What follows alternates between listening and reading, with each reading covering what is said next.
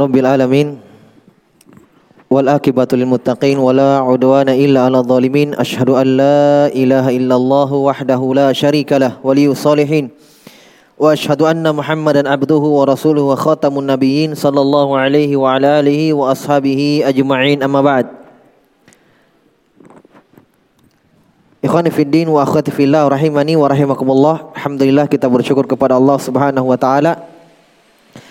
Pada siang hari ini kita kembali dipertemukan oleh Allah Subhanahu wa taala untuk kembali bertafakuh fiddin mempelajari agama Allah Subhanahu wa taala menambah ilmu pengetahuan kita terhadap agama Allah Subhanahu wa taala. Seperti biasa di hari Rabu kita membaca atau membahas fikih-fikih seputar muslimah dan kita ambil dari kitab Tanbihatun ala Ahkamin Takhtas Bil Mu'minat karya Syekh Saleh Al-Fauzan bil Fauzan hafizahullah taala. Pada pertemuan yang lalu kita sudah menyelesaikan bab yang keenam yaitu hukum-hukum seputar jenazah yang khusus untuk muslimah. Sekarang kita masuk yang bab berikutnya, bab ketujuh yaitu ahkamun takhtas bil mar'ati fi babis siyam. Hukum-hukum fikih seputar muslimah. Hukum-hukum fikih khusus muslimah seputar masalah puasa seputar masalah puasa di bulan Ramadan.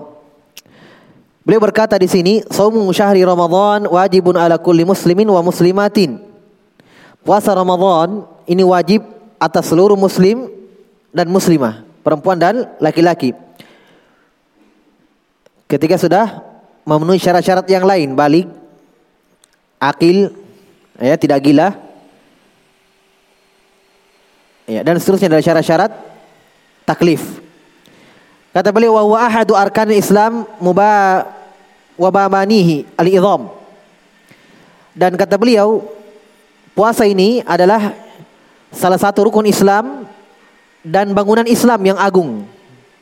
Sebagaimana dalam hadis bunyal Islam ala khamsin. Kata Nabi SAW, Islam dibangun di atas lima perkara. Iya syahadat la ilaha illallah wa anna muhammadar rasulullah. Wa ita uh, wa tuqimas shalah wa tu'tiyaz zakah wa tasuma ramadan. Hajjal bait in satata ilaihi sabila. Ya ini rukun Islam yaitu mengucapkan syahadat dua kalimat syahadat salat. Ya kemudian zakat puasa dan haji di bulan di bulan-bulan haji.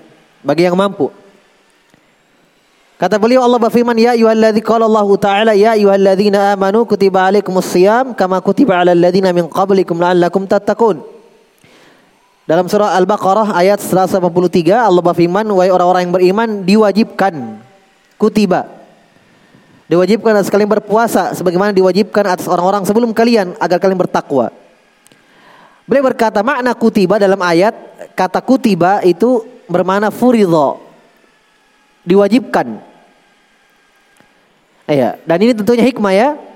Ketika Allah katakan diwajibkan atas kalian puasa sebagaimana diwajibkan atas orang-orang sebelum kalian, ini tentunya ada bentuk kabar gembira bagi umat Islam.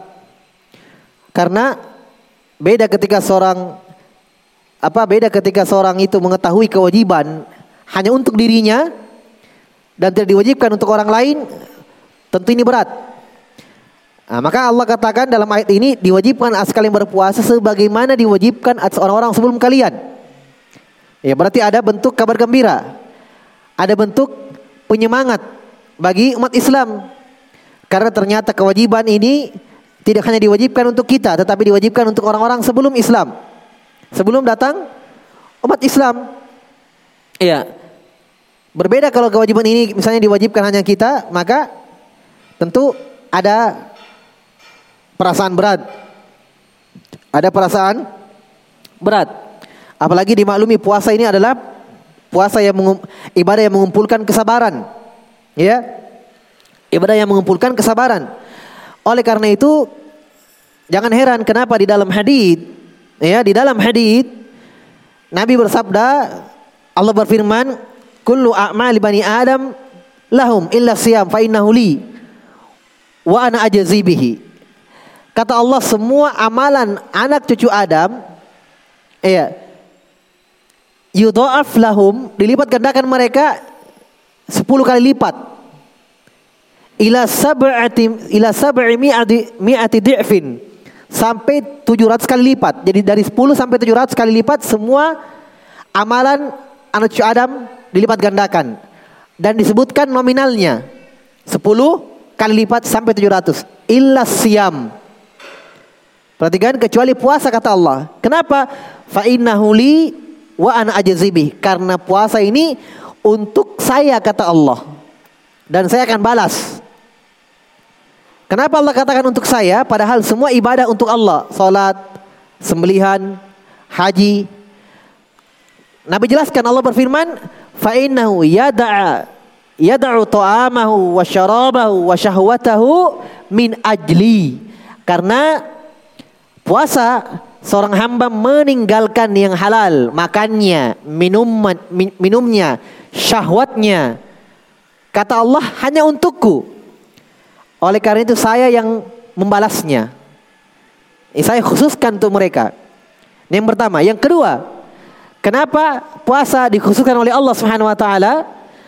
Kata para ulama karena hanya puasalah yang mengumpulkan semua tiga jenis kesabaran. Tiga jenis kesabaran. Iya, sabar itu ada tiga jenis. Ada tiga bentuk. Pertama, sabar di atas ketaatan kepada Allah. Yang kedua, sabar dalam meninggalkan larangan. Yang ketiga, sabar dalam menjalani ketentuan dan takdir Allah. Faham? Nah, tiga jenis sabar ini ada dalam puasa. Tiga jenis sabar ini dikumpulkan atau terkumpul dalam satu amalan semua itu puasa. Puasa jangankan yang halal, jangankan yang haram. Yang halal pun kita tinggalkan karena Allah Subhanahu wa taala, apalagi yang haram. Ya, apalagi yang haram. Oleh karena itu, tidak akan mendapatkan balasan puasa orang-orang yang masih melakukan keharaman-keharaman di bulan Ramadan di siang hari. Walaupun puasanya kita katakan tidak batal, tapi tidak mendapatkan pahala puasa. Ya, sebagaimana kata Nabi sallallahu alaihi wasallam, man lam yada' qawla zur wa ala, wal amala bihi falaysa lillahi hajatun min ayyada ta'ama wa syarabahu Kata Nabi SAW, siapa yang berpuasa dan tidak meninggalkan ucapan sia-sia dan beramal amalan sia-sia, termasuk amalan dosa. Ucapan dosa, giba, namimah, bohong, dusta. Kata Nabi SAW, maka Allah tidak butuh dengan dia tahan haus dan laparnya. Allah tidak butuh dengan lapar dan hausnya. Maksudnya Allah tidak akan balas pahala puasanya, tapi puasanya tidak batal. Karena pembatal puasa itu makan, minum, dan berhubungan suami istri di, di siang hari. Adapun kalau dia berbuat dosa di siang hari dalam dia dalam keadaan berpuasa, misalnya dia mencuri, ya, dia misalnya menggibah, berbohong, itu tidak batal puasanya, tapi apa? Diancam oleh Nabi SAW tidak akan dibalas oleh Allah Subhanahu Wa Taala karena puasa meninggalkan yang halal apalagi yang yang haram. Paham? Oleh karena itu puasa adalah amalan yang Allah khususkan. Itu itu rahasianya ya disebutkan oleh para ulama seperti Ibnu Rajab dan selainnya. Kenapa? Puasa adalah ibadah yang Allah khususkan. Allah akan membalasnya. Allah akan membalasnya. Iya, Kata beliau, fa idza balagat al-fatatu sinnu taklif bi dhuhuri ihda amarat al-bulugh 'alaiha amarat al-bulugh 'alaiha wa minha al-haid fa innahu yabda'u wujubu shaum fi haqqiha. Kata beliau, perempuan ya, perempuan kalau dia sudah masuk kepada umur taklif, umur dikenakan kewajiban syariat. Iya, dengan muncul salah satu tanda dari tanda-tanda baliknya. Seperti apa? Haid. Ini tanda balik perempuan, haid. Iya. Fa innahu yabdu wujubu saum fi haqqiha. Maka wajib atas perempuan wajib atas perempuan berpuasa. Ya. Wajib atas perempuan berpuasa. Ya berbeda dengan sebagian orang kaum muslimin yang melihat ya yang dia punya anak perempuan misalnya. Anaknya masih sekolah atau masih SD ya. Kadang ada umur SD tapi sudah balik, sudah ada haid. Mendapatkan haid. Iya. Orang tuanya kadang mengatakan, "Eh, jam dulu puasa nak, masih kecil." Padahal yang eh, tanda seseorang itu balik atau tidak bukan kecil badannya atau besar. Tapi ada padanya tanda-tanda taklif. Kalau perempuan haid. Ya, perempuan itu ha, haid. Ya, sebab memang kita sudah bahas di pembahasan haid bahwa umur haid bagi perempuan itu tidak ada batasan umur. Tidak tentu umurnya. Kadang ada yang haid 9 tahun, 10 tahun, 11 tahun, 12 tahun, 13 tahun. Ya. Baik. Sebagaimana Aisyah radhiyallahu taala anha dinikahi oleh Nabi 6 tahun, tetapi ya terjadi duhul, terjadi hubungan suami istri ketika 9 tahun. Berumur 9 tahun. Iya. Jelas ya? Ini menunjukkan bahwa kadang 10 tahun, 9 tahun, 10 tahun atau di atasnya itu perempuan sudah haid. Maka bukan dilihat kecil besarnya atau dia jamin puasa dulu masih masih SD. Iya, atau masih sekolah, kok nanti pertama sekolah baru puasa. Ini salah. Padahal anaknya sudah lama balik. Ya, anaknya sudah lama balik. Kata beliau, maka kalau sudah muncul haid, maka wajib puasa baginya. Wa qad tahidhu wa hiya fi Sinetasi ya kata Syekh Salih Fauzan dan perempuan itu haid kadang di umur 9 tahun. Wa qad tajhalu ba'dul fatayat annahu yajibu alaihi shaum hinadak. Masyaallah. Dan pada waktu dia haid dan dia berumur muda 9 10 ini kata beliau banyak perempuan gadis-gadis banyak perempuan yang tidak mengetahui hukumnya. Dia jahil terhadap hukum ini. Maksudnya apa? Sudah haid Berarti sudah wajib baginya puasa tapi mereka belum puasa pada waktu itu kata beliau. Hinadak. Ya, belum puasa karena menganggap dirinya belum wajib puasa padahal sudah apa? Sudah haid. Padahal sudah sudah haid. Ini kekeliruan. Iya. Ini menunjukkan kepada kita pentingnya seorang itu mempelajari agama Allah Subhanahu wa taala dia belajar agar dia tahu hak-hak dan kewajibannya. Ya, agar dia tahu kewajibannya. Ya. Oleh karena itu, ya, Seseorang itu tidak dikatakan beriman. Tidak akan pernah dikatakan beriman seorang itu sampai dia mempelajari agama Allah, dia belajar agama. Jadi pujian dalam Al-Quran orang-orang yang beriman, orang-orang yang beriman innalladzina amanu innalladzina amanu itu orang-orang yang berilmu. Ada ilmu mereka. Ya. Karena tidak akan disematkan pujian bagi mereka.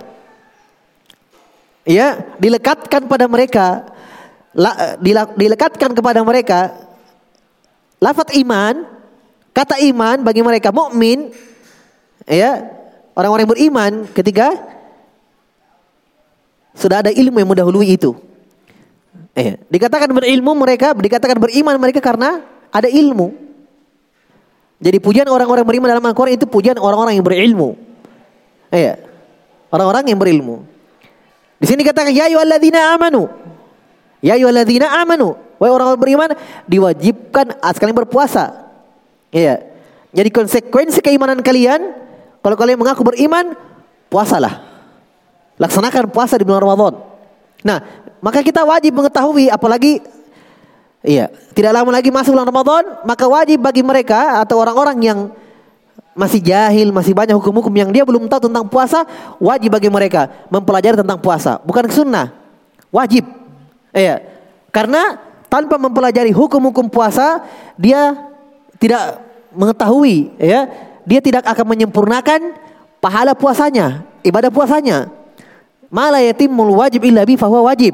Apa-apa yang tidak menyempurnakan satu kewajiban kecuali dengan dia, maka sesuatu itu menjadi wah, wajib juga. Berarti hukum puasa di Ramadan ini wajib. Ya, dan kita tidak mengetahui hukum-hukum puasa kecuali dengan mempelajari Iya, hukum-hukum puasa maka mempelajari hukum-hukum puasa sebelum kita puasa itu wajib. Itu wah, wajib sama dengan mau haji. ya, mau haji dia, sedang sebentar lagi berangkat haji, maka wajib dia pelajari hukum haji. Wajib dia pelajari tentang ha, haji. Ya, bagaimana dia mensempurnakan hajinya? Tanpa dia pelajari hukum-hukum ha, haji. Iya. Karena kaidahnya ma la wajib illa bi fahuwa wajib. Sesuatu apa yang tidak sempurna kewajiban kecuali dengan dia, maka sesuatu itu menjadi wah, wajib. Sesuatu itu menjadi wajib karena tidak sempurna kewajiban kecuali dengannya. Kecuali dengannya. Iya. Kata beliau, jadi banyak perempuan garis-garis perempuan ya sudah dewasa belum puasa. Ya karena dia tidak tahu hukumnya. Zonnan karena menyangka anna sagiroh karena menyangka dirinya masih kecil. Kata Syekh, mereka belum puasa. Ya, banyak gadis-gadis, perempuan-perempuan, wanita-wanita, ya tidak puasa karena menganggap dirinya masih kecil padahal sudah balik. Sudah haid. Ya, sudah haid. Wala ya'muru ahluha siyam. Dan lebih anehnya lagi kata beliau, orang tuanya tidak memerintahkan anaknya untuk puasa. Karena sama-sama jahil.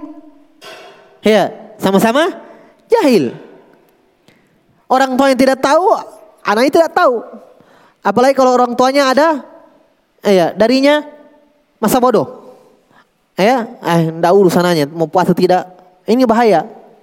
Ya. Ini akan ditanya pada hari kiamat oleh Allah Subhanahu wa taala. Orang tua yang seperti ini.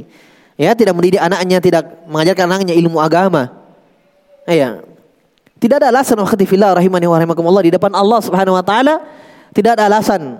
Ya, tetap ya kita akan dihukumi dosa oleh Allah Subhanahu wa taala. Kenapa? Karena ada bentuk ya keteledor, keteledoran dari kita, ada bentuk bergampangan dari kita tidak mempelajari agama Allah Subhanahu wa taala. Tidak mempelajari agama Allah Subhanahu wa taala. Padahal Nabi sudah ingatkan, iya, talabul ilm fardhun ala kulli muslim. Mempelajari agama Allah, menuntut ilmu adalah kewajiban bagi seluruh muslim dan muslimah.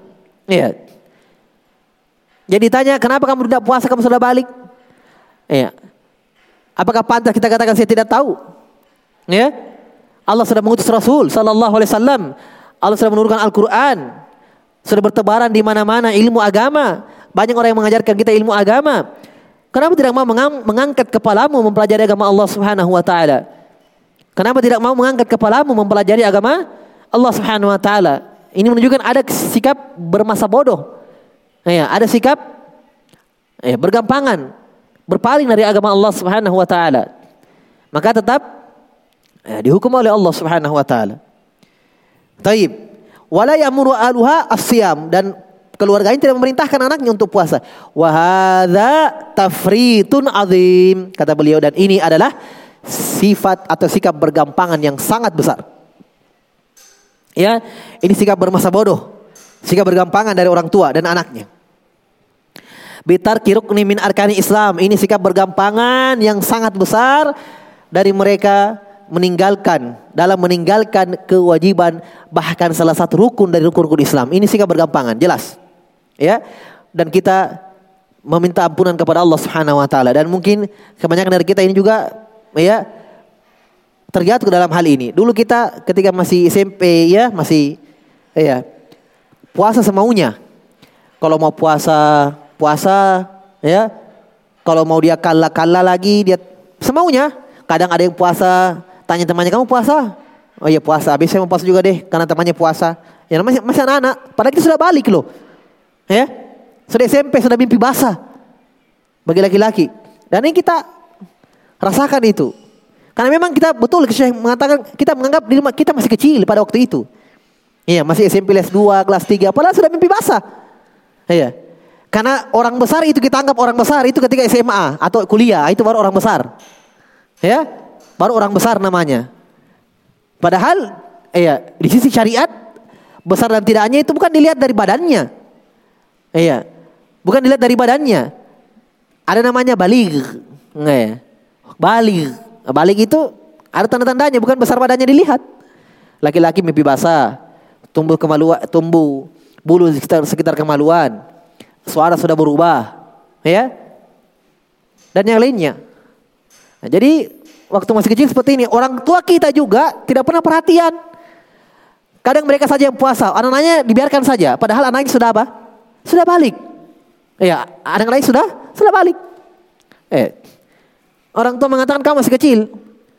Apalagi dulu kita ada namanya puasa setengah. Ya, padahal tidak ada dalam syariat puasa setengah.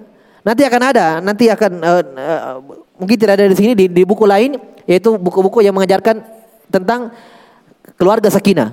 Ya, tentang keluarga bagaimana tentang suami istri. Di situ dijelaskan ya, bagaimana orang tua para sahabat dulu bagaimana mereka mendidik anak-anak mereka. Ya dijelaskan dalam hadis ya Muadzah radhiyallahu anha atau yang selainnya dari tabi'i, tabi'iyah, uh, apa sahabiyah mengatakan dulu kami mengajarkan anak-anak kami puasa, kami ajarkan mereka puasa. Dan ketika mereka menangis karena lapar, mencari makanan, kami berikan mereka mainan agar mereka lupa dengan laparnya ketika mas terbenamnya matahari, kami berbuka bersama mereka. Perhatikan ucapan seorang sahabiat, bagaimana mereka mendidik anak-anak mereka untuk puasa. Kata beliau radhiyallahu anha, kami puasakan mereka seperti orang besar, puasa langsung, puasa full. Dan ada puasa setengah. Ya. Jadi kita besar terbawa kayak gini ini, bahwa ada puasa setengah. Nah ini anaknya juga besar, sudah besar, sudah menikah, ada anaknya, juga dia didik anaknya seperti itu karena dulu dia kecil seperti itu orang tuanya. Kasih puasa setengah dia. Ya sudah, anaknya dia kasih puasa setengah juga. Ya padahal tidak ada puasa setengah. Kalau mau didik anak, membiasakan dia puasa, biasakan puasa. Ah Ustaz lapar, memang begitu lapar orang tua yang saya lapar? Kan begitu. Ya, dia biasakan puasa. Walaupun kita katakan dia belum wajib puasa, tapi dibiasakan. Kalau tidak terbiasa dari kecil, ya, tidak ter terbiasa dari kecil, maka ketika dia besar berat. Ya, apalagi kalau memang orang tuanya memang tidak pedulikan pendidikan anaknya, ya, tidak pedulikan agama untuk anaknya. Ini bahaya. Maka akan melantarkan kewajiban, apalagi puasa adalah rukun dari rukun-rukun Islam. Rukun dari rukun-rukun Islam. Inilah contoh dari para sahabiat bagaimana mereka mendidik anak-anak mereka. Jadi kata beliau radhiyallahu anhu kalau menangis kami kasih mainan supaya dipalingkan dari laparnya. Nah, ketika berbuka, kami berbuka bersama mereka. Kami panggil mereka berbuka bersama kami. Subhanallah. Ini keadaan mereka. Jadi wajar ya. Tumbuh anak-anak mereka menjadi para ulama Islam Iya. Tabi'iyah. Iya, tabi'in anak-anak mereka. Anak-anak para sahabat. Ya. Baik. Wa min ha, min min hadzalik wajib 'alaiha qada'us shaum alladhi tarakathu min hin bidayatil haid biha. Kata Syekh, siapa yang terjadi padanya seperti ini yaitu dia sudah dapat balik tapi tidak puasa ya, tidak puasa Ketika dia bertaubat, hijrah misalnya, dia tahu dia ternyata pernah tidak puasa karena tidak tahu dia sudah balik, maka kata beliau, ia wajib baginya mengganti puasa. Faham? Kenapa? Karena dibedakan antara orang yang tidak tahu dan yang tahu. Faham? Kalau orang yang sengaja tinggalkan puasa, jadi ada orang tidak pernah puasa, ya kerjanya ya di bulan Ramadan orang puasa dia makan ya tidak puas sengaja padahal dia tahu ini wajib baginya maka kalau ini ketika dia bertaubat ya hijrah misalnya maka tidak wajib baginya membayar puasanya yang telah berlalu walaupun berapa tahun kenapa karena dia tinggalkan bukan karena udur karena sengaja paham ini akhwat paham ya saya ulangi kalau ada orang yang tidak berpuasa Ramadan sengaja meninggalkannya bukan karena uzur. Ya. Dia tahu dia wajib baginya puasa tapi dia tidak mau, memang malas. Maka ketika dia bertaubat kepada Allah, dia sudah mulai berpuasa Ramadan dan rajin berpuasa Ramadan, maka tidak ada kewajiban baginya membayar puasa yang kemarin. Karena dia tinggalkan karena tidak ada uzur. Faham? Beda kalau ada uzur. Kalau ada uzur misalnya bagaimana Ustadz? Kalau misalnya haid. Nifas, ya. Sudah lama dia tidak pernah puasa, sudah bertahun-tahun, ya. Tidak pernah dibayar. Kalau ini enggak. Kalau ini tetap dibayar kapan pun, ya, kapan pun. Bahkan walaupun dia meninggal, anaknya atau ahli warisnya atau keluarganya mempuasakan orang tuanya ketika dia masih punya utang puasa dan selama-lamanya tidak akan pernah terganti dengan fidyah. Saya ulangi, selama-lamanya tidak akan pernah terganti dengan fidyah. Kalau utang puasanya karena yang mewajibkan dia mengganti dengan puasa seperti haid dan nifas atau sakit atau dia pernah safar, ya sakit, safar, ya kemudian nifas haid, ya ini empat, ya udur-udur ketika puasa maka ini diganti dengan puasa bukan fidyah. Yang fidyah itu adalah menyusui dan hamil. Nanti akan kita bahas ini. Ya, itu pun akhwati fillah rahimani wa rahimakumullah, itu pun masih ada silang pendapat di kalangan ulama. Apakah ibu hamil dan menyusui, apakah memang bayar fidyah atau mengganti dengan puasa? Ini ada silang pendapat di kalangan ulama. Walaupun sebagian ulama mengatakan fidyah bagi mereka. Sebagiannya mengatakan tidak, tetap tetap membayar iya dengan puasa, mengganti dengan puasa. Karena mereka mengatakan menyusui dan hamil ini adalah disamakan dengan sakit karena mereka tidak puasa karena bukan hal yang lain kecuali tidak mampu karena mengkhawatirkan kesehatannya, kesehatan bayinya atau kesehatan ibunya yang menyusui. Berarti dianggap sakit. Jelas? Ini ada khilaf. Yang jelas kalau yang disepakati bahwa itu mengganti dengan puasa adalah sakit safar, kemudian ya haid dan nifas. Makanya tidak pernah selama-lamanya diganti dengan fidyah. Difahami ya? Nah, Syekh mengatakan kalau dia tinggalkan dulu tidak puasa karena tidak tahu dia sudah balik, tidak tahu dia sudah wajib puasa, tapi dia tidak puasa, maka ini kata beliau wajib mengganti dengan puasa. Wajib ganti puasa itu bayar dengan puasa. Ditunaikan. Ya. Berarti beliau menganggap itu uzur karena tidak tahu. Eh, berarti, berarti disamakan orang yang tidak puasa itu karena tidak tahu dia balik itu disamakan dengan orang yang punya udur. Beda dengan orang yang puasa sengaja tidak mau puasa. Difahami ya? Ini pendapat beliau yang difatwakan oleh beliau dan ulama yang lain bahwa kalau ada yang kejadian seperti ini dia sudah balik ya wajib baginya puasa tapi tidak puasa karena bukan sengaja karena tidak tahu bahwa sudah wajib baginya maka ini mengganti ya membayar dengan puasa. Baik, dia tinggal berusaha ingat saja berapa kali dia tidak puasa, dia bayar pelan-pelan. Iya dia bayar. Baik. Walau madu ala dzalika fatratun tawilah, Masya Allah kata beliau, walaupun sudah berlalu bagi dia, sudah lewat untuknya, ya, bertahun-tahun lamanya. Fatratun tawilah, waktu yang panjang.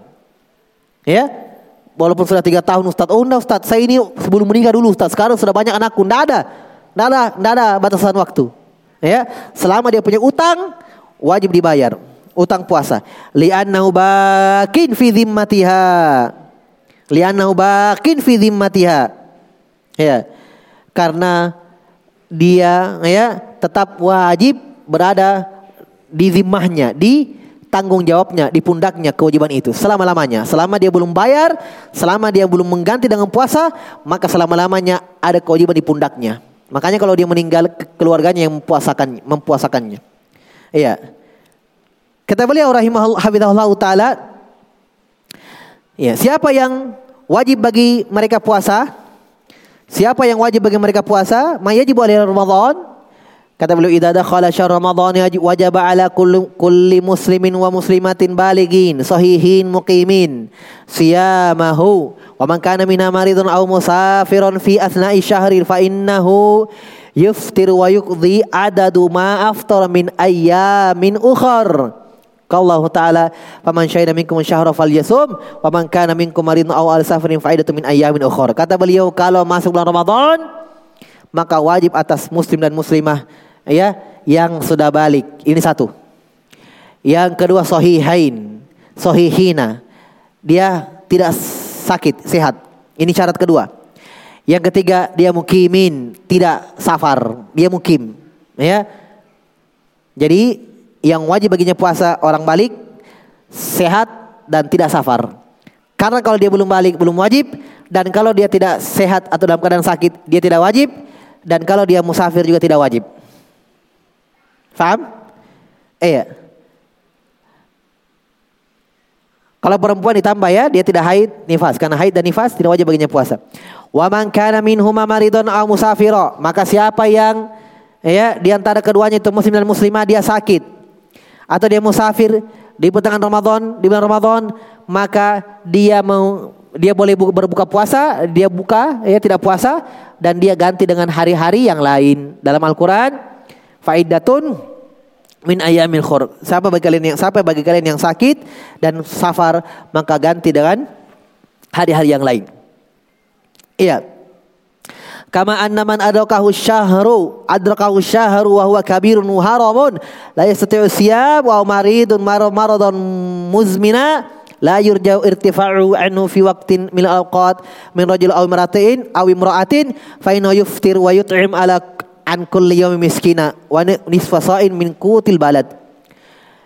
Demikian pula siapa yang mendapatkan bulan Ramadan dan dia dalam keadaan tua, renta, ya jompo, ya tidak mampu berpuasa dan dia sakit atau dia sakit tapi sakitnya sakit yang berkepanjangan tidak diharapkan kesembuhannya lagi, ya seperti terbaring, koma atau terbaring yang lainnya ya. Dia masih hidup tapi ya tapi sudah sakit yang sakit tidak diharapkan kesemuanya lagi. Yang berat untuk terangkat dari sakit itu. Berat lagi sembuh. Ya, mungkin yang koma atau yang sudah terbaring ya, bertahun-tahun ya. Maka ini apa yang wajib baginya?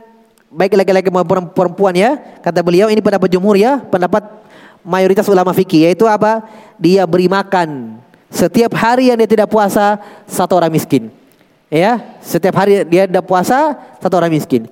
Boleh dia kumpul nanti 30 hari berarti dia hitung 30 misalnya puasa 30 hari atau 29 maka dia beri makan 29 orang atau 30 orang. Ya, ini bagi orang siapa tadi? Bagi orang yang tua renta, jompo, ya, dan yang sakit dan tidak diharapkan kesembuhannya. Adapun kalau sakit tapi masih bisa sembuh, ya, masih sakit biasa dalam artian bisa ada kemungkinan sembuh, maka ini jangan bayar dengan Vidya. Tetapi apa? Tunggu dia sembuh dia bayar dia diganti di hari yang lain. Paham? Ini tadi ganti dengan vidya bagi orang yang pertama jompo sudah tua sekali, ya. Yang kedua sakit yang tidak diharapkan kesembuhannya, yang tidak bisa lagi sembuh, ya.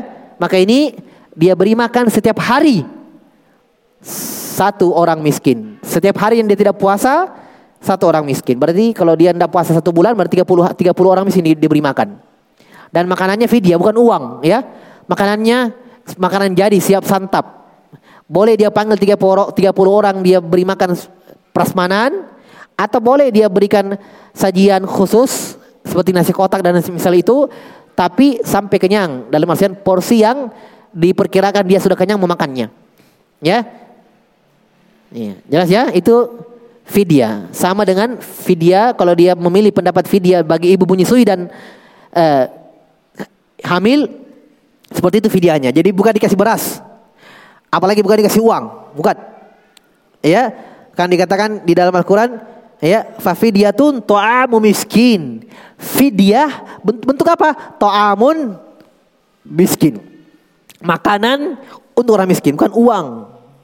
Kalau beras, ya belum dimakan itu beras, butuh dimasak lagi, butuh diolah lagi. Ya, kalau orang dulu di zaman orang Arab dulu ya langsung kurma mereka kasih karena kurma makanan makanan pokoknya di situ. Jadi kasih kurma langsung. Iya. Mereka tidak kasih dalam bentuk masih mentah, butuh diperam lagi, butuh di tidak, langsung dimakan. Ya berarti kita berarti sudah jadi nasi. Ya. Dan ini subhanallah, ini kadang kita dapatkan ya sebagian muslimat, sebagian perempuan, ibu-ibu ya kadang dikasih video orang kasih uang, nggak mau repot. Ya. Jadi kasihan ini orang miskin lagi pergi beli makanan lagi. Bagus kalau dia beli makanan. Iya. Kalau dia beli yang lain, nah, sehingga dia, dia dia tidak makan, dia manfaatkan dengan yang lain. Ya, maka ini tidak tersalurkan fidyahnya dengan baik dan benar. Maka dia beri makanan jadi. Iya. Entah itu dia panggil makan di rumahnya atau di mana, prasmanan atau dia beri sajian khusus, ya, sajian khusus seperti nasi kotak dan yang semisal itu. Baik. Ini bagi hukum orang yang tua dan sakit. Iya. Sebagaimana dalam Al-Qur'an ya, wa alal ladzina yutiqunahu fidyatun ta'am miskin. Ya, ini menurut bacaan Ibnu Abbas. Bagi orang-orang yang berat untuk puasa, kata kata Allah Subhanahu wa taala maka beri fidyah bagi orang-orang yang miskin. Ini penafsir Ibnu Abbas bagi orang-orang yang berat itu orang tua dan orang yang sakit yang tidak diharapkan kesembuhannya. Baik. Kemudian wa tahtassu al mar'atu bi a'dharin tubihu lahal iftar fi ramadan ala an taqdiya ma aftarathu bi sababi tilkal a'dhar min ayyamin ukhra maka kata beliau dan adapun untuk perempuan ada udur-udur yang khusus bagi mereka. Kalau yang tadi semuanya itu umum ya, perempuan dan laki-laki. Nah, ini sekarang disebutkan ada beberapa udur yang khusus bagi perempuan yang dibolehkan bagi mereka untuk berbuka. Kalau yang tadi safar eh, dalam keadaan sakit dan belum balik, kalau ini umum perempuan dan laki-laki. Sekarang boleh sebutkan udur-udur yang khusus hanya perempuan yang dapatkan. Kalau salah salah seorang di antara mereka mendapatkan udur ini, maka mereka juga tidak wajib berpuasa. Wahadil a'dar hiya.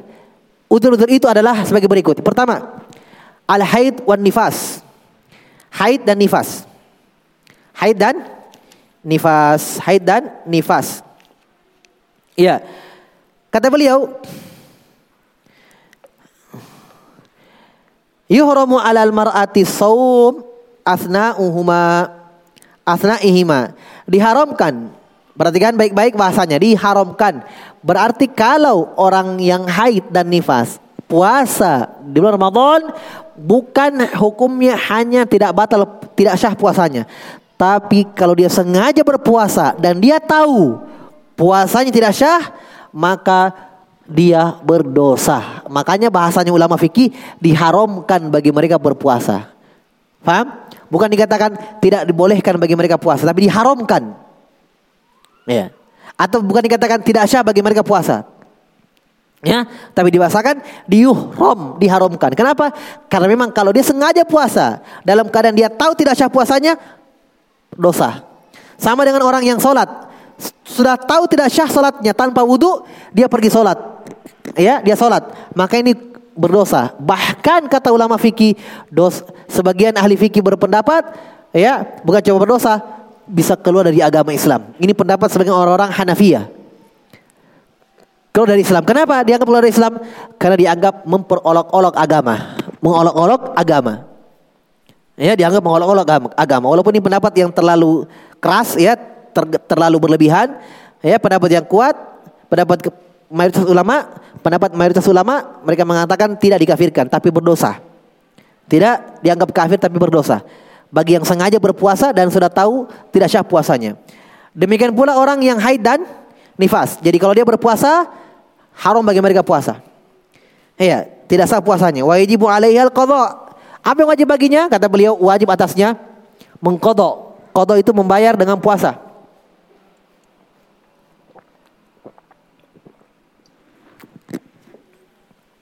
ya mengganti dengan puasa. Kata beliau sebagaimana dalam hadis Aisyah radhiyallahu anha Aisyah berkata kunna nu'maru bi qada'i shaum wa bi qada'i shalah. Kata Aisyah, dulu kita diperintah oleh Nabi sallallahu alaihi wasallam untuk mengganti puasa dan kita tidak diperintah oleh Nabi mengganti salat. Maksudnya kami wanita wanita haid dan nifas diperintahkan mengganti puasa saja dan tidak diperintahkan mengganti sholat kalau haid. Ya, padahal Allah sama-sama tidak mewajibkan bagi mereka puasa dan sholat bagi haid, bagi orang yang haid. Tetapi Allah hanya mewajibkan bagi mereka mengganti puasa, ya, adapun sholatnya tidak. Dan kalau ditanya kenapa, hikmahnya jelas. Karena kalau sholat itu banyak, berat bagi mereka. Adapun puasa itu ringan. Karena cuma satu hari, ya satu kali puasa sehari full. Tapi kalau sholat lima kali dalam sehari. Ya, tentunya ini berat. Makanya tidak diwajibkan bagi mereka membayar sholatnya, mengganti sholatnya. Hanya puasa saja. Nah, kata beliau, kenapa Aisyah mengatakan kami diperintah mengganti puasa dan sholat tidak? Ya, wadalika karena diinginkan itu lima saalat saalat hak imro'atun faqalat karena Aisyah pernah ditanya oleh seorang wanita ya seorang tabi'iyah kata seorang tabi'i tabi'iyah ini muridnya sahabat, muridnya sahabiat, seorang perempuan, dia katakan kepada Aisyah, "Ma balul haid? Kenapa orang haid tak tak di saum mengganti puasa wala tak di sholat dan tidak tidak mengganti sholatnya?" Apa jawaban Aisyah? Iya. Aharuriyatin anti jauh dalam hadis yang lain ya, dalam beliau sudah sebutkan kata Aisyah, "Apakah kamu perempuan khawarij?" Apakah kamu perempuan khawarij? Ya karena orang-orang khawarij, keyakinan orang-orang khawarij dulu, ya wajib juga orang yang haid mengganti puasa, mengganti sholat. Ya dimaklumi ya orang-orang khawarij dalam beribadah tasyadud, ya ekstrim dalam beribadah. Ya. Sampai orang yang haid wajib mengganti sholat juga. Nah ketika perempuan ini muridnya sahabiat bertanya kepada Aisyah, kenapa itu perempuan yang haid mengganti puasa tapi sholat tidak? Kata Aisyah, apakah kamu wanita khawarij? Padahal dia hanya bertanya. Iya. Maka jawaban Aisyah, itu tadi jawaban Aisyah bahwa kami diperintah oleh Nabi hanya mengganti puasa. Dan tidak diperintah mengganti sholat. Maksudnya, ya sudah begitu. Ya sudah begitulah dari Allah dan Rasulnya. Itu maksudnya Aisyah. Sementara karena kita beramal cuma apa yang diperintahkan oleh nah, Nabi. Wa ma atakum rasulu fakhudhuhu wa ma nahakum anhu. Kata Allah apa yang Rasul bawa untuk kalian ambillah dan apa yang Rasul perintahkan untuk kalian tinggalkan tinggalkanlah. Ya jelas ya? Taib. Boleh bawakan ucapan Ibnu Taimiyah Hikmahnya apa? Kenapa hikmahnya? Apa hikmahnya kenapa diperintahkan meng mengganti salat eh, puasa dan salat tidak? Qala Ibnu Taimiyah rahimahullahu taala Ya, wadamu alladhi yakhruju bil haid fihi khurujud dam. Ya. Wal haid yumkinuha an tasuma fi ghairi awqati dam fi hali fi hali la yakhruju fiha damuha. Fakana sawmuha fi tilkal hal sauman mu'tadilan la yakhruju fihi dam alladhi yuqawwil badan alladhi huwa madatuhu. Masyaallah. Perhatikan hikmahnya. Kenapa salat eh kenapa puasa Ya, itu tidak wajib bagi wanita haid. Kenapa? Karena dimaklumi kata beliau, wanita haid itu mengeluarkan darah. Ya. Dan memungkinkan bagi dia memungkinkan bagi dia untuk puasa di hari-hari yang lain yang darah tidak keluar di situ. Ya. Maka di hari-hari yang darahnya tidak keluar yaitu di suci di waktu sucinya maka dia berpuasa dalam keadaan dia kuat Iya. Dalam keadaan dia kuat. Tidak keluar darah di situ.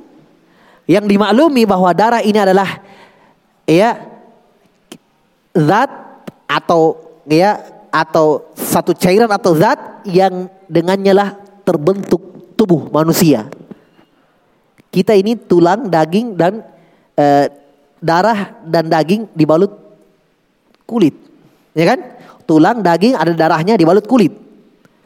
Berarti tubuh kita secara umumnya darah, daging, tulang, kulit. Berarti salah satu mada, salah satu zat atau salah satu ya bagian dari tubuh kita yang penting adalah darah. Berarti kata Ibnu kalau dia keluar maka badan terasa lemah dan ini terbukti ya, terasa. Kalau banyak darah keluar pingsan. Paham? Lemah darah darah karena darah. darah. Ya. Sama kalau ada tulang misalnya, kalau ada tulang. Ya lihat anak-anak anak yang misalnya kelainan ketika kecil, tulangnya lemah, itu tidak bisa jalan, lemah karena tulangnya tidak kuat. Kan begitu kan? Iya. Karena memang darah dan tulang ini adalah salah satu iya, bagian tubuh manusia yang penting. Makanya ketika dia haid, mengeluarkan darah apalagi perempuan dimaklumi ya kalau ada, ada yang haid, iya darahnya banyak sekali. Ada yang tetes, dua tetes ya. Ada yang banyak sekali. Iya. Dan tentunya ini dia dalam keadaan pasti lemah. Dalam keadaan lemah kalau dia puasa. Makanya inilah hikmah Allah. Allah tahu ya kelemahan manusia Allah tahu. Ya. Bahwa agama ini betul-betul apa? Terbangun di atas kemudahan dan kasih sayang. Wa ma arsalnaka illa rahmatan lil alamin. Kami tidak mengutus engkau ya Muhammad kecuali sebagai apa? Pembawa rahmat, kasih sayang Iya, makanya agama ini dibangun di atas kasih sayang. Iya, kemudahan. Tidak ada syariat, subhanallah ya, tidak ada syariat yang ketika tidak mampu kita lakukan ada halangan, pasti ada keringanan dan pasti ada penggantinya. Subhanallah. Ini kaidah penting ini. Pokok dalam syariat. Tidak mampu berwudu, demam, ada penggantinya tayamum.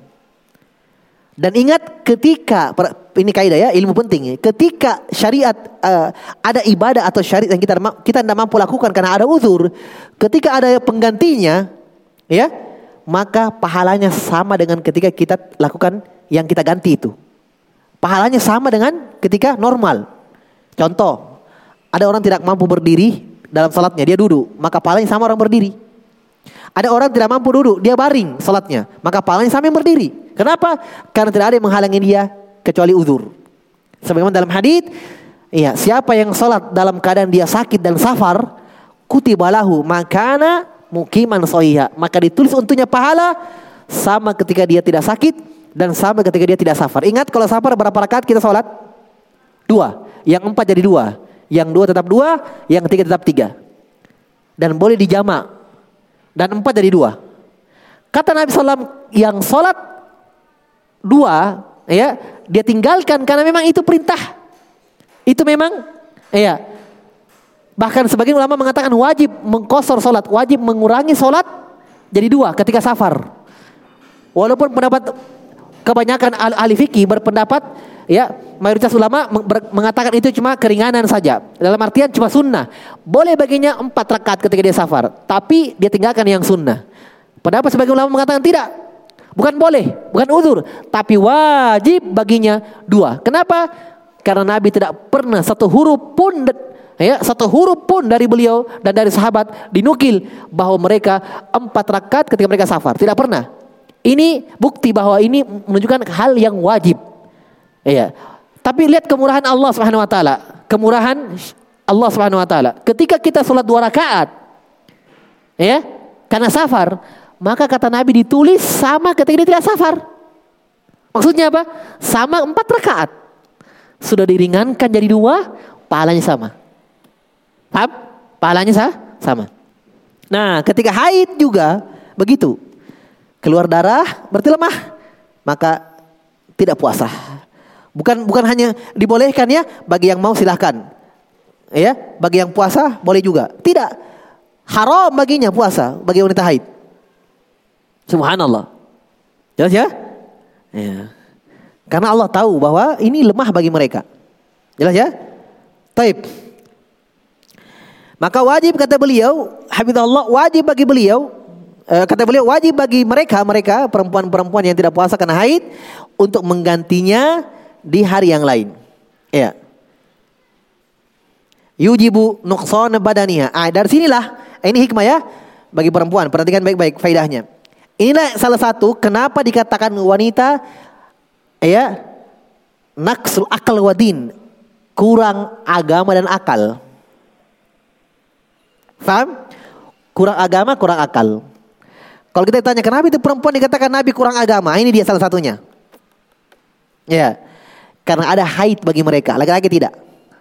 Nah, kata para ulama, ketika mereka haid, sholat tidak ada. Ya kan? Sementara orang sholat dia tidak. Kalau puasa oke okay lah, puasa ganti hari yang lain. Tapi sholat tidak mengganti. Ya, sholat tidak diganti kalau haid. Berarti Orang dapat pahala, laki-laki dapat pahala, mereka tidak. Di sinilah dianggap wanita agamanya kurang, pahalanya kurang. Bisa dipahami? Ini rahasianya ya, ini hikmah. Kenapa dikatakan wanita kurang agamanya? Karena banyak penghalang dari mereka ketika beribadah. Ya, di antaranya sholat ketika haid. Dan tidak diwajibkan bagi mereka untuk mengganti. Berarti kurang di sini. Berarti kalau dia haid misalnya lama, Ya, orang sholat, sholat, sholat, sholat, sholat, dia tidak. Berarti kurang apa? Agamanya. Jelas ya? Itu salah satunya ya. Taib. Kata beliau rahimahullah, hafizallah taala, eh, maka wajib wayujibu nuqsanu badaniha. Dan kalau keluar darahnya maka waj, mengharuskan apa? Badannya melemah. Ya. Wadi'fiha dan lemah. Wa khuruju saumuha itidal dan mengeluarkan puasanya dari iya yang semestinya. Berarti dia tidak puasa. Ya, faumirat antasum fi ghairin awqatil haid, maka diperintahkan bagi mereka untuk berpuasa di hari-hari yang tidak haid. Kemudian yang kedua, ya, yang kedua yang merupakan uh, uzur bagi perempuan hamil dan irdo, alhamdulillah wal irdo, hamil dan menyusui. Iya. Yang di mana kata beliau alladzani yahsul fihi ma dararun alal mar'a au ala tifliha. Yang di mana kalau mereka puasa terjadi ya bahaya darot ya mudarat ya membahayakan ibunya dan membahayakan bayinya, membahayakan perempuannya dan membahayakan bayinya. Iya, fa innaha tuftir maka dia berbuka. Maka dia berbuka iya fi hali hamliha wa irdoiha. Dalam keadaan dia hamil dan dalam keadaan dia menyusui. Tapi ingat, saya ingatkan di sini satu perkara. Beda dengan haid dan nifas. Kalau haid nifas wajib bagi mereka apa? Tidak puasa. Berbeda dengan hamil dan menyusui. Hamil dan menyusui tidak dikatakan wajib bagi mereka tidak puasa. Tidak. Hah? Apakah boleh bagi wanita hamil atau menyusui dia puasa? Bukan boleh. Itu yang afdol baginya. Kalau dia anggap dirinya masih kuat dan tidak membahayakan bayi ya tidak membahayakan janinnya di dalam dan tidak membahayakan bayi yang dia susui. Puasa. Dan ini ya terbukti. Banyak umat-umat yang masya Allah mereka hamil mereka menyusui. Puasa. Bayinya aman. Ibunya aman. Yang penting dijaga asupannya. Ketika dia buka sayur-sayuran perbanyak. Tidak ada masalah. Sekarang ibu-ibu subhanallah ya bisa puasa bisa sebenarnya bisa. Ah, vidya deh, gampang vidya kasih makan orang. Iya kan? Iya, hati-hati jangan mencari-cari keringanan. Betul, ada keringanan dalam syariat, tapi kita tidak boleh mencari-cari yang ringan. Namanya tetap burukhos, mencari-cari keringanan. Ini tidak boleh. Jelas ya? Paham ini? Iya. Betul memang ada keringanan. Betul. Tapi ketika sudah merasa tidak mampu, ya ingat al masyaqqatu tajibu taisir kata kata para ulama dalam kaidah fikih kemasyakoh ketidakmampuan perasaan berat ya susah itu selalu melahirkan selalu memunculkan kemudahan. Tapi ingat ya ketika sudah batas kemampuannya sudah berusaha ya jangan Iya, sebenarnya bisa tapi ai dia pikirkan hal lebih fit dia lebih enak. Iya. Kasih makan orang selesai tidak lapar-laparan lagi. Kan begitu kan? Padahal sebenarnya mampu dia puasa. Iya, mampu dia puasa. Iya. Jelas ya? Iya. Apalagi kalau sudah hamil-hamil tua, yang hamil tua itu biasa, tidak ada masalah insya Allah. Yang yang rentan itu di awal-awal kehamilan. Ya, tapi kalau sudah hamil tua, ya, apalagi sudah mau 9 bulan, sedang melahirkan, ya, sudah dekat, termasuk bulannya, puasa saja. Iya. Iya. Jelas ya? Nah, kalau dia sudah mengkhawatirkan, apalagi kalau memang ya sudah bertanya kepada dokter ya yang ahli, ya. Dan alam dan banyak orang dekat kita, keluarga-keluarga kita yang masya Allah saya perintahkan kepada mereka puasa saja. Alhamdulillah aman-aman saja puasa. Dan ini lebih enak tentunya. Karena apa? Lebih cepat menghilangkan kewajiban di pundak. Kan begitu. Abro lizimmah namanya. Lebih cepat membebaskan, melepaskan kewajiban tanggung jawab. Lebih cepat. Lebih baik. Kan begitu. Tapi kalau ditunda nanti, nanti, nanti, nanti. Ya. Nanti ya dikhawatirkan mencari-cari yang ringan lagi. Fidyah. Ya. Taib. Ini saya yang perlu diingatkan ya bahwa jangan ada sikap bergampang dari kita. Kalau memang tidak mampu mengkafirkan bayinya labas, tidak ada masalah. Iya. Buka saja, ya. Berbuka, jangan puasa. Taib. Kata beliau rahimahullah taala, jadi kalau dia mengkhawatirkan ya, ya, dan ini ada rinciannya dari para ulama. Rinciannya Syekh Saleh Fauzan kalau beliau fatwakan di sini kata beliau, ya, Thumma in taib. Fa in kana thumma in kana darar alladhi aftarat min ajli yahsulu ala atiful faqat Tapi kalau dia dia khawatirkan hanya untuk anaknya saja, bukan untuk ibunya. Ibunya kuat, bisa puasa tapi yang dia khawatirkan anaknya, maka takdi. Ini mengkodok. Maafat, maaf tarathu watut watut watut ilmu kulla yaum miskina. Nah ini pendapat beliau ya, dan ini ada khilaf. Jadi kata beliau, kalau misalnya yang dia khawatirkan bayinya, maka ini dua, puasa dan kasih makan orang. Ini, ini pendapat yang tidak kuat. Allah alam, nah dalilnya ini. Ya. Kata beliau wa in kana darar 'alaiha fa innahu yakfi minha al-qada. Tapi kalau misalnya yang dia khawatirkan adalah ibu, dianya bukan bayinya. Ya, yang mengkhawatirkan adalah ibunya, maka ini tidak tidak fidyah, tapi ini apa? Ganti dengan puasa. Jelas? Wa dzalika lidukhulil hamil wal murdi fi umumi qouli ta'ala. Iya, karena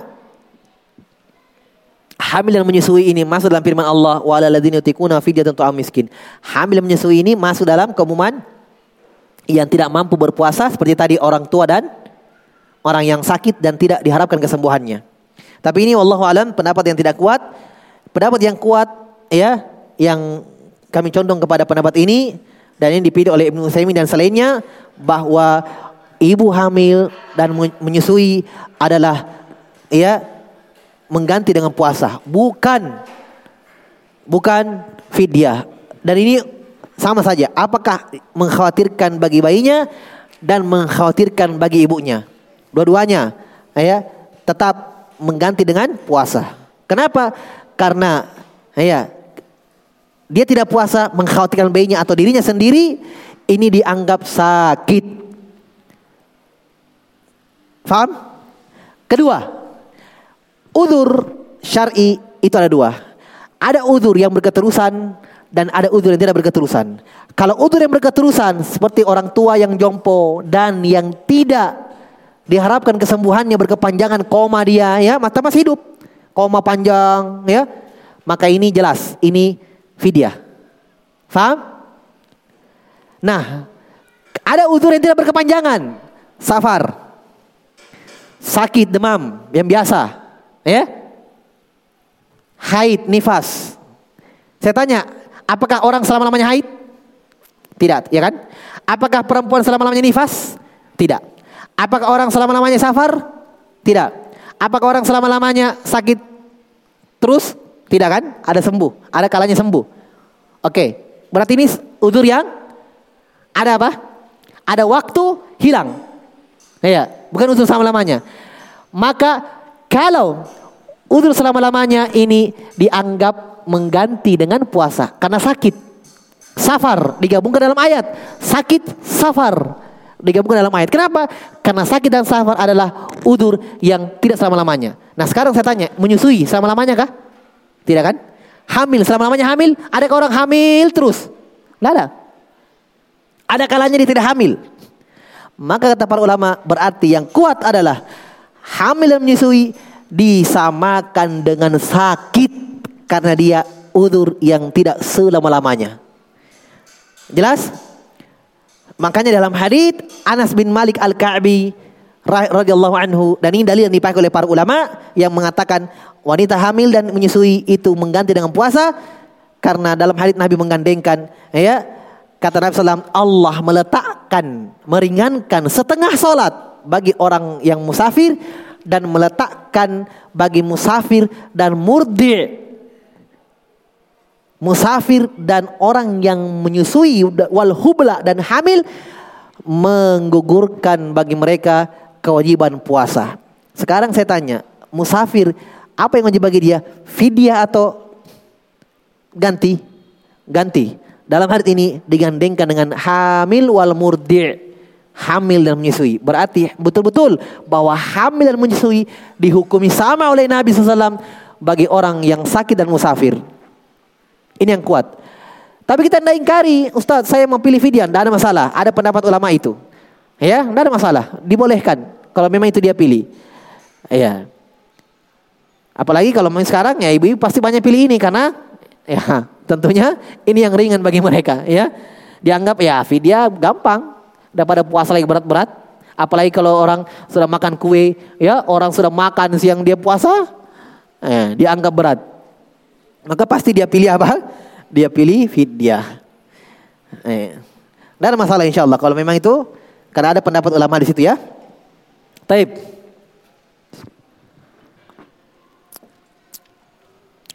Kemudian ada beberapa perkara yang beliau ingatkan di sini. Kata beliau tanbih. Ya. Pertama al mustahadah. Kita ringkas saja ya. Al mustahadah. Mustahadah orang yang istihadah itu ya yang la yaslu ayyakun haidon dia tidak dikatakan haid. Maka kalau darah istihadah yang keluar di bulan, di bulan puasa, maka tetap wajib puasa. Dan ini kita sudah bahas darah istihadah dia di pembahasan haid dan istihadah. Ya, haid dan istihadah kita sudah bahas. Jadi wanita istihadah yang keluar darah kotornya bukan haid bukan nifas, darah kotor yang keluar, ya ini sama dengan darah biasa. Dia tetap sholat, tetap puasa. Ya, taib.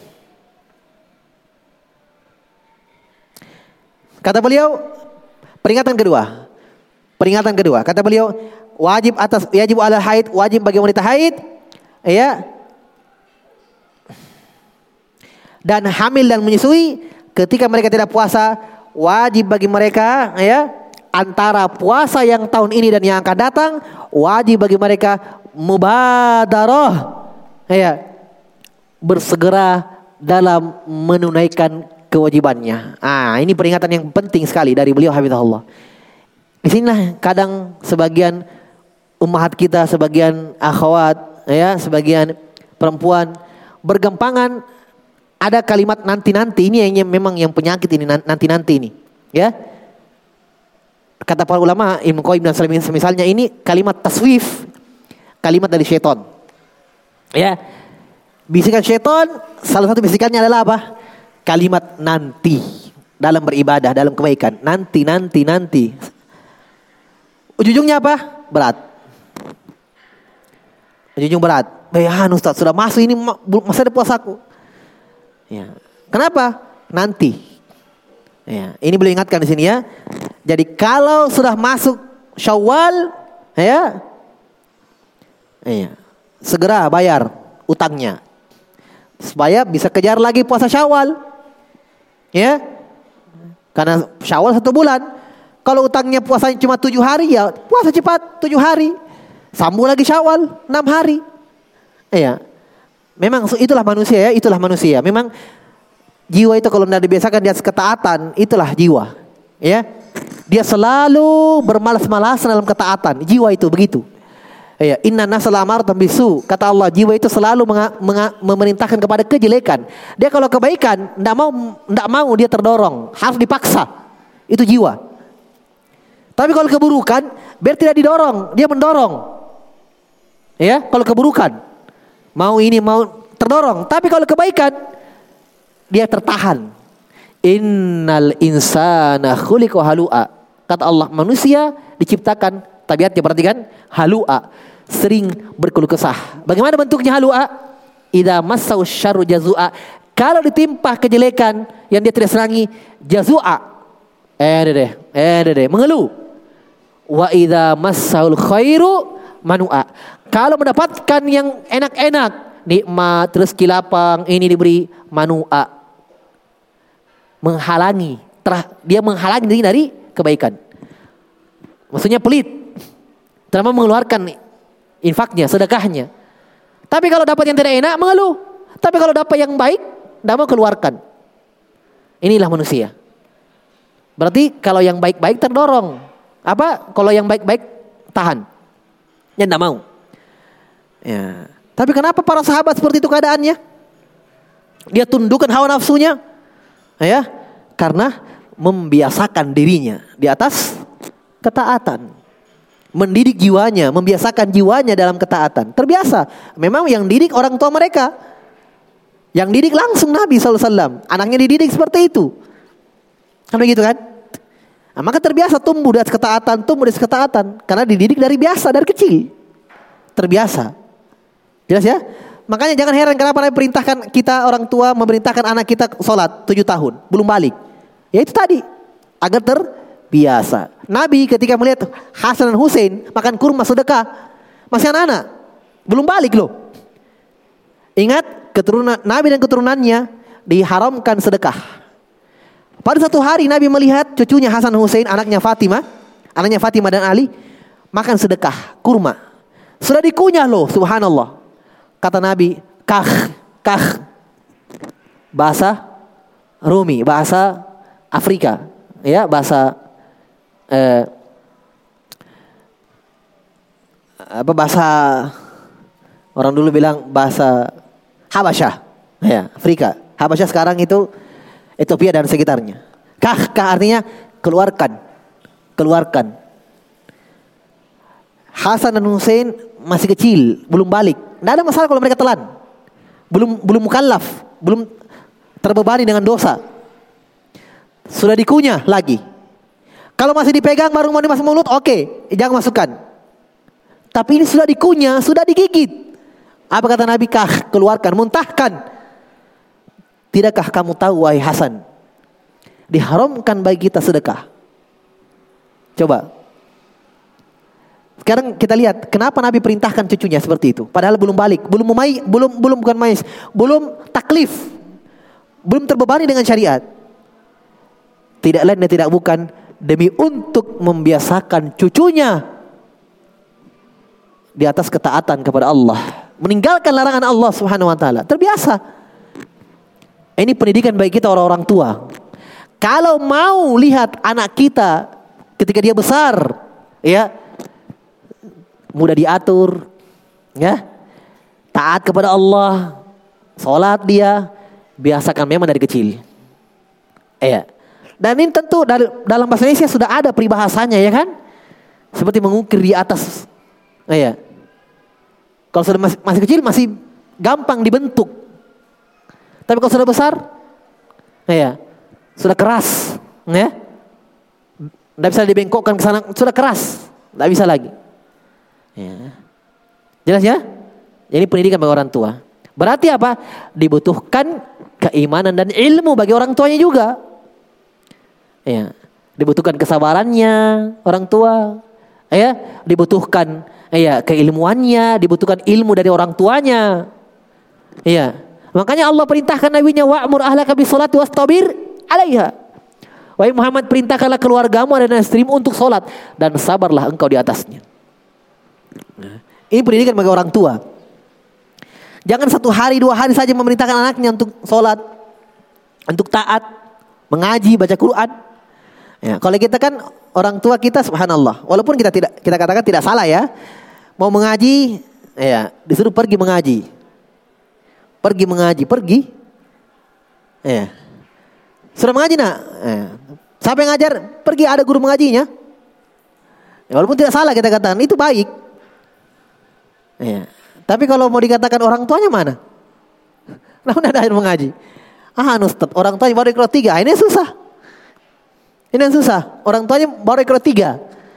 Nah, Anaknya suruh mengaji sama orang. Ya, ya. Syekh Mukbil.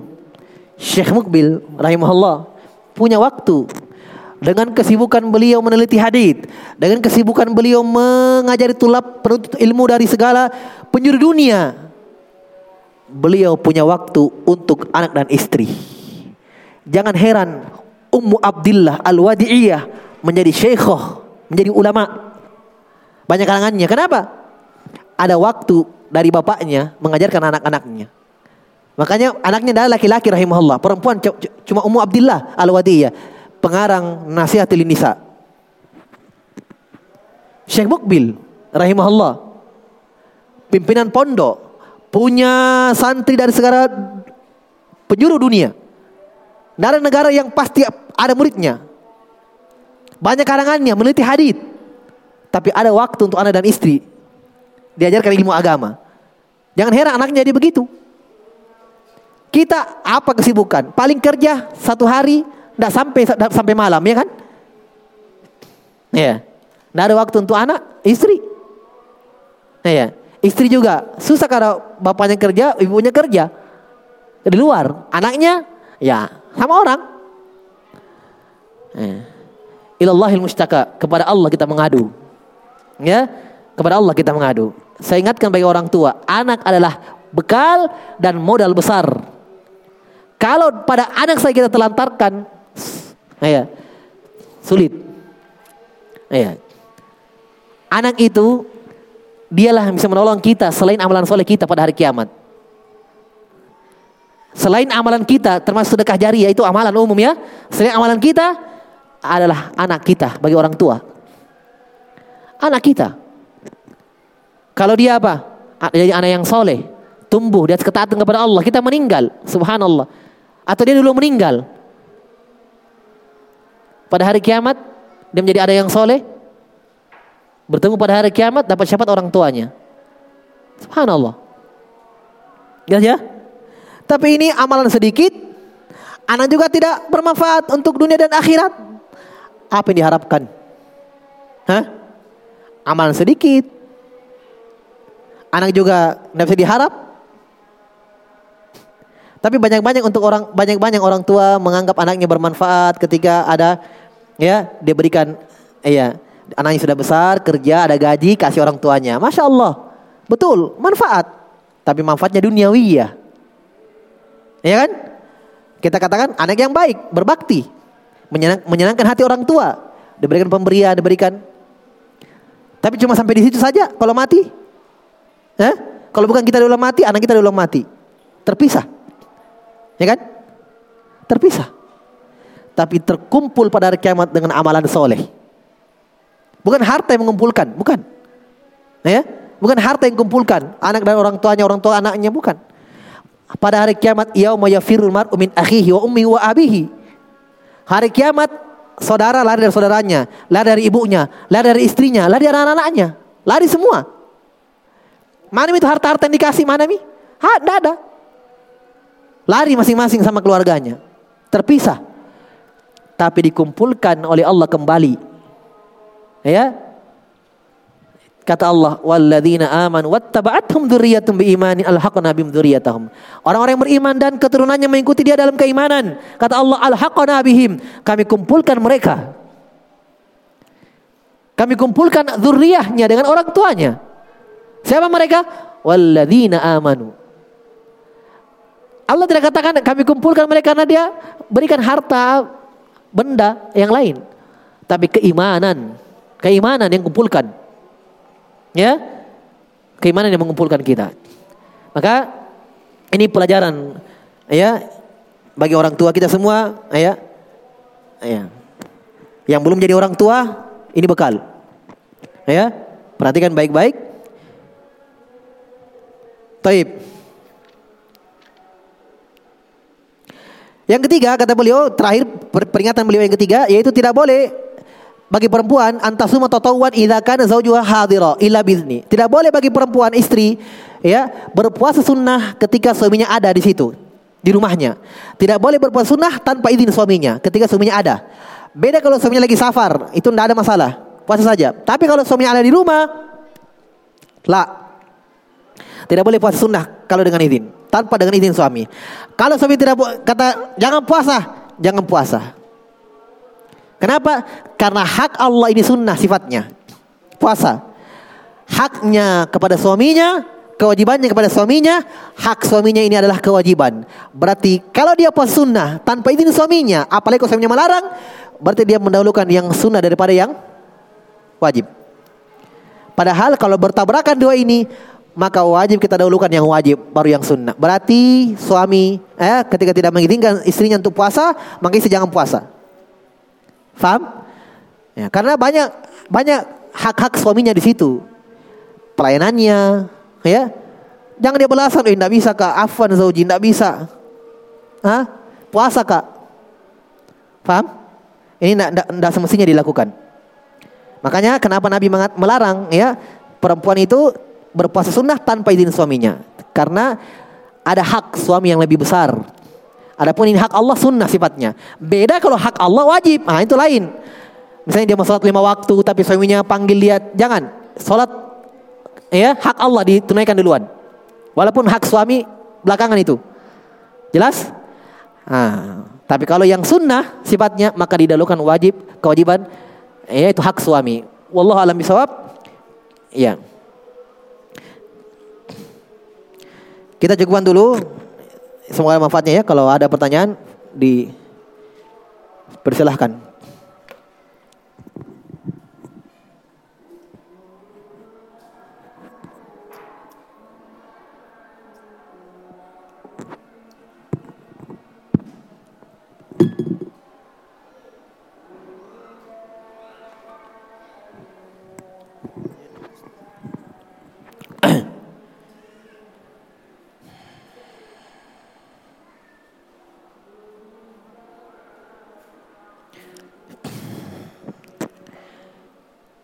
Nenek saya stroke lima tahun dan selama itu beliau tidak berpuasa. Mau dipidiahkan bagaimana cara kami membayar puasa beliau? Ya dipidiahkan. Kalau sakit yang seperti ini menahun yang tidak tidak kami memang tidak diharapkan kesembuhannya lagi dibayarkan fidyah. Dibayarkan fidyahnya. Jadi hitung saja lima tahun berarti ratakan saya 30 ya diratakan saya 30 berarti 5 5 berarti 30 150 berarti beri makan 150 orang ya 150 orang. Ya mudah itu kalau 150 apalagi satu paket cuma berapa yang nasi uh, kotak diberi makan saja orang miskin. Jelas ya? ya.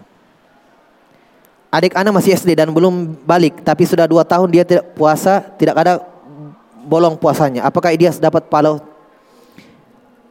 Ya dapat dapat pahala. Dapat pahala. Katanya ada adiknya masih SD tapi puasanya tidak pernah bolong. Dapat pahala, dapat pahala. Dan orang tuanya memerintahkan dia puasa dapat pahala. Dalilnya mana? Dalilnya adalah ini yang perhatikan dalilnya ya. Dalilnya adalah ketika ada seorang ibu yang berhaji bersama anak bayinya dia gendong. Ya? Iya, dia gendong bayinya. Maka dia bertanya kepada Nabi, "Ya Rasulullah, alahul haj?"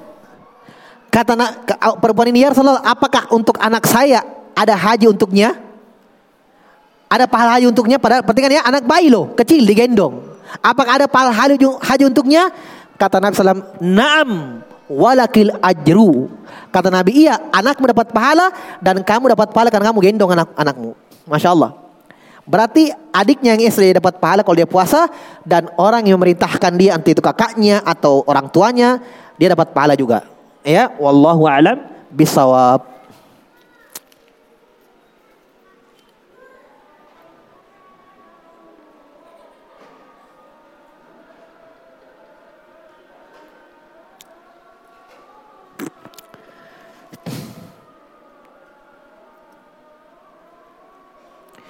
Bagaimana hukum renang bagi wanita di tempat khusus bagi wanita dan juga tetap memakai hijab?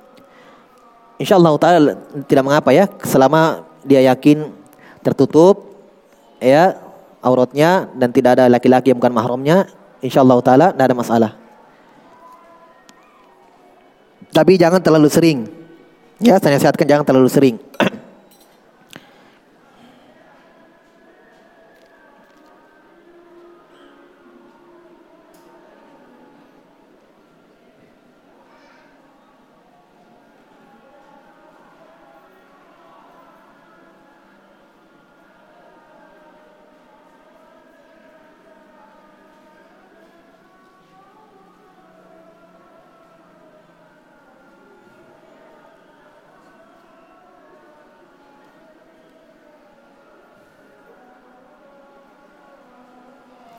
Apakah orang yang berpuasa Daud, Senin Kamis, Ayamul Bait juga di juga ada contohnya atau dibolehkan?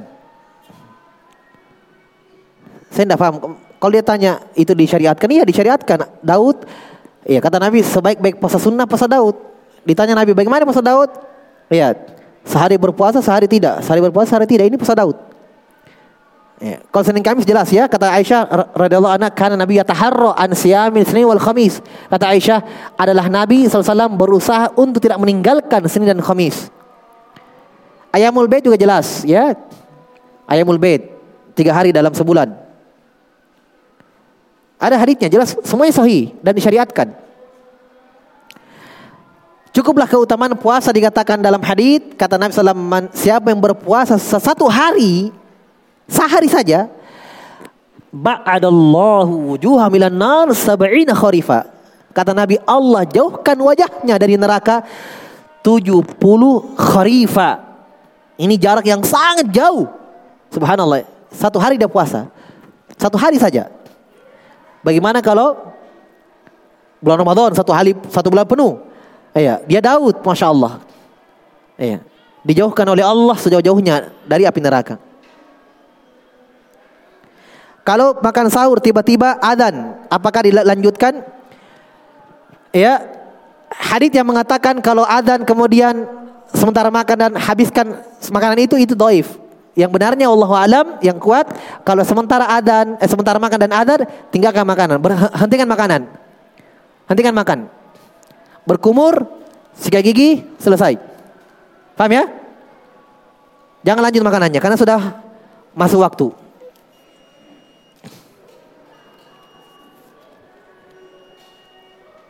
Banyak sekali pertanyaan. Saya kira tidak ada pertanyaan tadi. Jadi saya lanjut.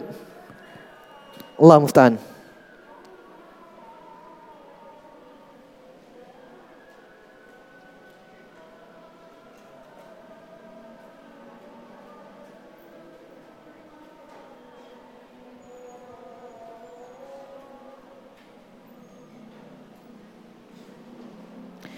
Ini ada nenek kakek anak lagi cuci darah. Cuci darah. Difonis sudah tidak bisa lagi kalau tidak cuci darah. Terus kata dokter, makanannya tidak boleh terlambat. Iya, kalau begini sakitnya insya Allah udur ya. Baikkan fidyah saja. Kalau memang puasa nanti Ramadan seperti itu, berkepanjangan sakitnya, maka eh, dibayarkan fidyah.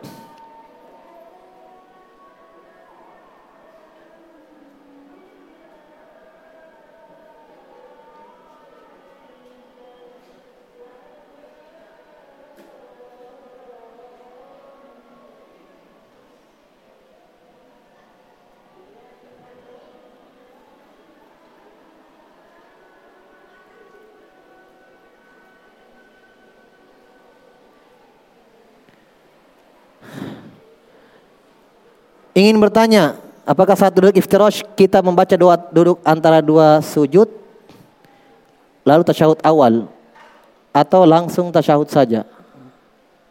Gimana itu saya tidak paham. Saat duduk iftirash kita membaca doa duduk di antara dua sujud. Lalu tasyahud awal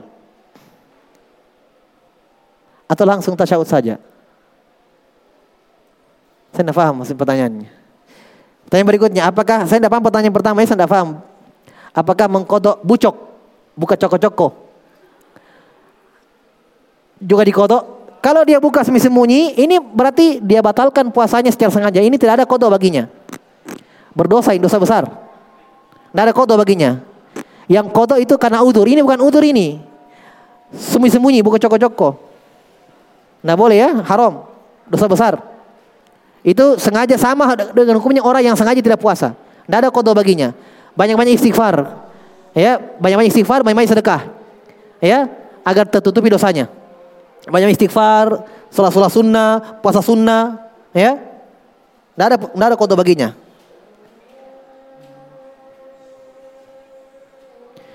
Apa yang dilakukan ketika orang dulu pakai video pakai beras? Pakai uang. Ya Allah alam sesuai dengan ilmu saya yang kurang sedikit, saya anggap Allah alam itu belum syah fidyahnya. Dia bayar ulang dan ini lebih aman dan lebih selamat baginya. Kalau dia bayar ulang fidyahnya, kasih makanan supaya lebih aman baginya. Bagus mungkin azan dulu baru dijawab lagi. Kita azan dulu baru saya lanjutkan jawab pertanyaan yang belum terjawab. Saya jawab pertanyaan yang berkaitan dengan pelajaran kita saya, saya pilih-pilih karena banyak sekali. Bagaimana hukum perempuan ber, wanita bermain kartu domino tanpa ada unsur sewa hanya yang bermain saja. Fatwa-fatwa ulama dalam masalah ini jelas haram. Ibnu Taimin rahimahullah dan yang lainnya. Ini perempuan dan laki-laki ya. Kartu domino kata mereka ini dikiaskan kepada catur. Kalau catur haram jelas ada nasnya. Ya, dikiaskan ini mirip dengan domino sama catur dengan kartu. Ya, makanya fatwa ulama mengharamkannya. Yang kedua, karena mereka ya permainan ini adalah permainan-permainan yang mengantarkan kepada keharaman, permusuhan, perjudian, ya, permusuhan, syahna, kebencian, dendam, ya, pertengkaran dan yang lainnya. Maka wasilah bisa mengantarkan kepada hal yang haram, ya, madhonnah, sangkaan terbesarnya, maka itu haram. Faham? Maka itu apa? Haram. Maka ini fatwa ulama dalam masalah ini mereka mengharamkan. Wallahu alam. Bagaimana jika utang puasa dilewatkan karena hamil, menyusui, serta utang puasa saat jahil belum dibayar? Apakah ditebus dengan bertaubat dan bayar fidyah sedangkan jumlah utang puasa sudah tidak ditahu pastinya? Yang pertama, kalau puasanya masih dulu uh, utangnya masih jahil dalam artian dia tidak pernah puasa, sengaja tinggalkan karena masih jahil, kalau ini tidak diganti. Paham ya? Itu dibedakan dari pelajaran kita bahwa kalau dia tidak puasa bertahun-tahun karena tidak uh, dianggap ini masih jahil dalam artian sengaja tinggal karena malas, dia sudah tahu kewajibannya, ini tidak diganti. Ini bertaubat saja. Nah itu dosa besar. Jelas ya? Beda kalau dia tidak tahu dalam keadaan seperti tadi Syekh contohkan dia sudah balik, dia tidak tahu kalau sudah wajib puasa baginya. Ini ganti. Adapun yang hamil dan menyusui, kalau dia pilih uh, ya dia bayar vidya saja. Dia berusaha ingat berapa yang dia tidak puasa, dia berusaha sangkan terkuatnya dia ambil, bayar. Dia berusaha saja semaksimal mungkin berapa kira-kira, dia bayar saja. Kalau dia kuatkan vidya, tapi kalau dia kuatkan dia kuatkan kodok puasa, maka dia berpuasa. Sesuai dengan yang dia kuatkan tadi. Jelas ya, perkirakan saja. Karena mending dibayar ada daripada tidak ada sama sekali. Jelas? dapat tidak sama sekali. Mala yudraku kulluhu la yudraku kulluhu. Kaidahnya apa yang tidak bisa dilakukan semua, jangan tinggalkan semua. Jelas? Apa yang tidak bisa dilakukan semua, jangan tinggalkan semua. Daripada tidak bayar sama sekali, dari itu utang, mending bayar sesuai kemampuan. Berapa yang dimampu untuk diingat, itu dibayar. Difaham ya? Wallahu alam bisawab.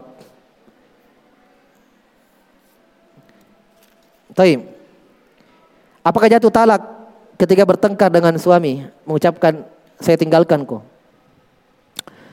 Ya kalau dia niatkan suami meniatkan talak maka itu jatuh talak. Kalau dia niatkan dengan kalimat itu karena talak itu tidak mesti dengan kata saya ceraikan kamu tidak.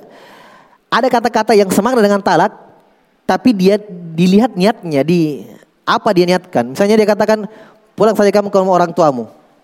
Dia niatkan talak, jatuh talak. Atau silakan cari orang lain. Ya. ya. Atau kalimat yang lain yang semangat dengan itu. Tapi kalau tidak niatkan apa-apa, tidak ada hanya bertengkar keluar saja seperti itu, maka ya tidak jatuh talak. Allahu alam. Apakah seorang anak yang belum balik bisa menggantikan puasa orang tuanya? Yang belum balik itu eh, belum kena hukum syariat berarti diwajibkan bagi yang sudah balik. Adapun perempuan yang belum balik atau anak yang belum balik belum e, bisa menggantikan utang puasa orang tuanya.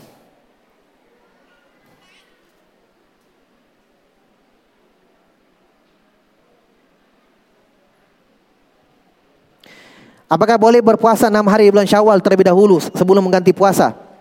Ini terakhir ya, terakhir ini. Sebelum mengganti puasa, karena ditakutkan perempuan akan haid. Sebagian ulama menganggap itu syarat. Syarat sahnya puasa Syawal ketika utang puasa ketika usang puasa sudah dibayar. Saya ulangi, sebagian ulama menganggap syarat sahnya puasa Syawal adalah sudah dibayar utangnya. Tapi sebagian ulama mengatakan kalau memang terpaksa darurat ya dalam artian Syawal tinggal sebentar lagi dan masih ada utang puasanya, maka sebagian ulama membolehkan membolehkan mengganti Syawal dulu, membayar apa pas Syawal dulu baru mengganti utangnya. Tapi saya ingatkan bahwa ada ulama yang berpendapat seperti Ibnu Saimin fatwakan tidak syah puasa Syawalnya sampai dia bayar utangnya. Sampai dia bayar utangnya. Ya, ya. Jadi kalau misalnya Syawal sudah habis, insya Allah taala puasa saja selama memang itu ya sudah mengkhawatirkan habis waktu Syawal wallahu a'lam bishawab. Kita cukup dulu. Subhanakallah bihamdik asyhadu an la ilaha illa anta astaghfiruka wa atubu ilaik. Wa akhiru da'wana alhamdulillahi rabbil alamin.